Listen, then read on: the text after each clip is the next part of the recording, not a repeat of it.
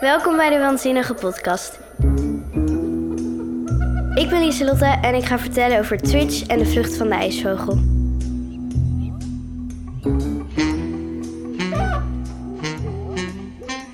Het boek gaat over een jongen die heel erg van vogels houdt. Hij is dapper en zijn naam is Twitch. Hij heeft een hutje in het bos en dan gebeuren er rare dingen.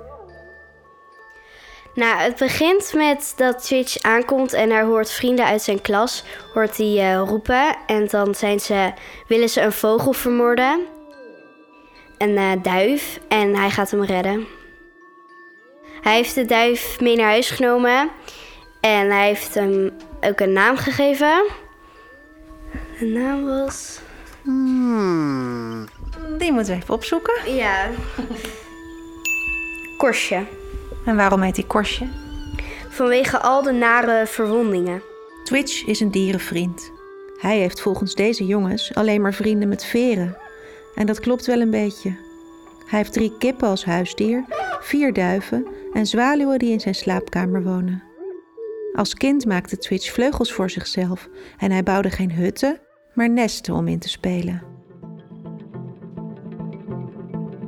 Dit boek begint op dag 1 van de zomervakantie. Als Twitch door het bos loopt, hoort hij een politiehelikopter. Hij wordt door agenten gewaarschuwd om direct naar huis te gaan en alle ramen en deuren goed te sluiten. Ze zoeken de overvaller Owen. Dat is een meneer die eh, geld heeft gestolen uit de bank. En die is dus in het bos gekomen en die hebben ze, heeft daar het geld verstopt. En de politie zoekt naar hem en die heeft toen het hele bos doorzocht. Toch gaat Twitch, zodra het kan, weer naar zijn hut in het bos. In zijn hut voelt hij zich altijd veilig. Die zat dan in zijn hut en die zag toen twee meisjes, heel mysterieus. En toen uiteindelijk waren ze opeens weg. Dus toen ging hij kijken waar die meisjes zaten. En toen vond hij een, ja, een armbandje met een ijsvogel erop. En toen ging hij die meisjes zoeken. En die kwam ze toen ook tegen. Eh, bij een eh, boot, die ook de ijsvogel heette. Er is nog iets belangrijks dat je moet weten over Twitch. Ja, hij wordt gepest door allemaal jongens uit zijn klas. En eh, hij trekt zich er niet heel veel van aan, maar hij vindt het natuurlijk niet leuk. Hoe ging dat dan? Hij was op school en toen was het uit, dus toen ging hij naar huis. Hij liep over het schoolplein en toen kwam Jack, riep hem toen terug. En toen wou Twitch heel hard wegrennen, maar toen werd hij gegrepen door volgens mij twee andere jongens uit zijn klas. En eh, nou, gingen ze eerst een beetje plagen. En toen uiteindelijk moest hij op de grond gaan liggen. En toen werd hij vastgehouden en wouden ze een worm in zijn mond doen. En toen eh, kwam Billy en die wou hem helpen. Hier wordt ingevochten. Jack en de andere jongens van school slaan meteen op de vlucht als Billy het opneemt voor Twitch. Maar Billy is een volwassen man en Twitch kent hem helemaal niet. Ze liepen samen weg en toen wou Billy trakteren op snoepjes. En eerst dacht Twitch wel van... Nou, eigenlijk mag ik van mama niet met andere mensen meelopen. En al helemaal niet iets aannemen. Maar hij doet het toch. Twitch is al lang blij dat hij is ontsnapt aan die pestkoppen op school. Billy vertelt over de bus waarin hij woont. Twitch vertelt dat hij vogelaar is. En het toeval wil dat Billy ook gek is op vogels. IJsvogels in het bijzonder. Ik vroeg aan Lieselot of de titel van het boek haar ook aan het denken heeft gezet. Nou, ik dacht dus echt van... En de vlucht van de ijsvogel... dat het echt iets was met het dier ijsvogel. En toen kwam ik er dus achter wat ze er echt mee bedoelden. En toen had ik echt van... Dat had ik niet verwacht. En dat is precies wat Lieselot zo goed vindt aan dit boek. Dan, dan denk je dat iets zo is en dan blijkt het heel anders te zijn. En dat vind ik ook wel leuk, want dan heb je helemaal van... Huh? Dat had ik echt niet verwacht. En dat vind ik ook wel echt super leuk aan boeken. De grote vraag in dit boek is steeds weer: wie kan Twitch vertrouwen? Aan de verhalen van Billy zitten rafelrandjes. Er dwalen twee vreemde meisjes in het bos. En als Twitch Jack een keer redt van andere pestkoppen, wil Jack opeens vrienden worden. Hij neemt meestal niet echt vrienden mee naar huis. Maar uiteindelijk heeft hij Jack toch mee naar huis genomen. En toen bleef hij ook eten. En toen ging zijn moeder allemaal zeggen van... ja, heb je al de geheime hut laten zien en zo. En toen had Twitch wel van... maar ik wil helemaal niet dat hij mijn hut ziet. Maar toen heeft hij hem wel meegenomen naar de hut. Die hut is geheim en uh, zelfs de politie kan het niet vinden. Wat Lieselotte wil voorlezen speelt zich ook af in deze supergeheime hut. Op het moment dat ze begint met voorlezen, probeert Twitch zijn gedachten op een rijtje te zetten. Niets is wat het lijkt en niemand kan hij nog vertrouwen. En dan gebeurt het volgende.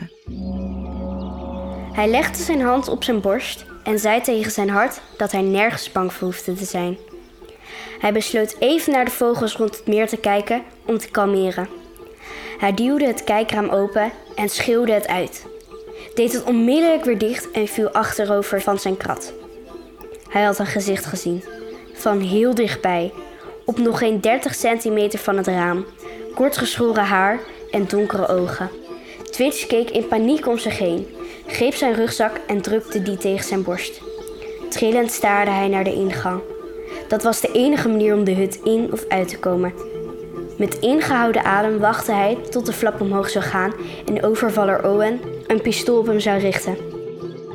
Hij kreeg geen lucht meer. Zo bang was hij. Kom naar buiten, Twitch, zei een zachte stem. Ik doe niets. De stem bracht Twitch in de war. Waren er twee mensen buiten? Hadden ze hem bespioneerd? Was dit een valstrik? Ik loop nu achteruit. Je kunt me zien door het raampje, zei de stem, en hij hoorde voetstappen die zich verwijderden. Hij gluurde door de takjes van de raamflap en zag een donkere gestalte weglopen. Hij wist niet wat hij moest doen. Moest hij binnen blijven of naar buiten gaan? Hij overwoog om de boom in te klimmen, maar dan kon hij geen kans meer op. Buiten kon hij tenminste nog wegrennen. Snel deed hij zijn rugzak om, zakte op zijn knieën, haalde diep adem en kroop door de ingang, waarbij hij zorgvuldig de braamtakken vermeed. Met gebalde vuisten sprong hij overeind. Dag Twitch, zei overvaller Owen. Run. Ik had meteen van, oh nu wordt het echt leuk. Want nu gaat alles over de kop, gebeurt er van alles. Het boek is dus super spannend, maar er zijn wel meer redenen dat Lieselot zo goed kon meeleven met Twitch. Ja, als je gepest wordt is het natuurlijk niet leuk. Dus dan leef je er ook wel in mee. En dan als je die vriend dan ook meteen opeens vrienden mee bent en hem mee naar huis neemt, terwijl hij je eigenlijk een week geleden gepest heeft, is dat wel raar. En ik zou ook wel hebben van, eigenlijk wil ik niet dat je nu hier bent. En je hebt ook soms wel van, hoe kan ik diegene dan wel of niet vertrouwen? Met pesten heeft Lieselot wel wat ervaring. Ja, ik werd ook wel gepest en dat vond ik natuurlijk niet leuk.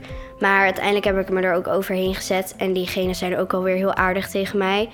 Dus, dat is wel bijzonder, want hoe, hoe zet je je daar dan overheen of hoe ga je ermee om? Nou, ik had fratjes op mijn handen en uh, ze noemden me toen frattenmeisje. Meestal negeer ik het wel en dan denken diegenen van... oh, ze geeft geen reactie, dus het maakt er niet uit wat we zeggen. En dan stoppen ze ook wel. En Lieselot heeft nog een goede tip. Hou wel gewoon vertrouwen in jezelf, want ja, ik hoop dat je dan wel gewoon iemand anders hebt waar je je op kan luchten.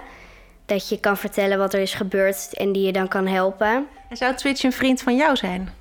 Ja, ik hou ook wel van dieren en ook van de natuur. En als ik een hut zou hebben in, in het bos, zou ik dat heel geweldig vinden. Dus daar zou ik dan ook elke dag heen gaan. Heb je nog iets geleerd uit dit boek? Dat je niet altijd iedereen kan vertrouwen. Helemaal niet als je diegene pas net kent. En heb je nog uh, vogelweetjes opgedaan? Nee, niet per se. Dit was Lieselot over het boek Twitch en de vlucht van de ijsvogel. De volgende keer spreek ik Fien over de man in de klok. Ja, laten we beginnen met de titel. Wie is de man in de klok? Dat is een uh, man, een soort van een schoonmaker. En die zorgt ervoor dat de uh, klok steeds een stukje verder gaat. Huh? Mysterieus, hè? Tot over twee weken. Doei doei.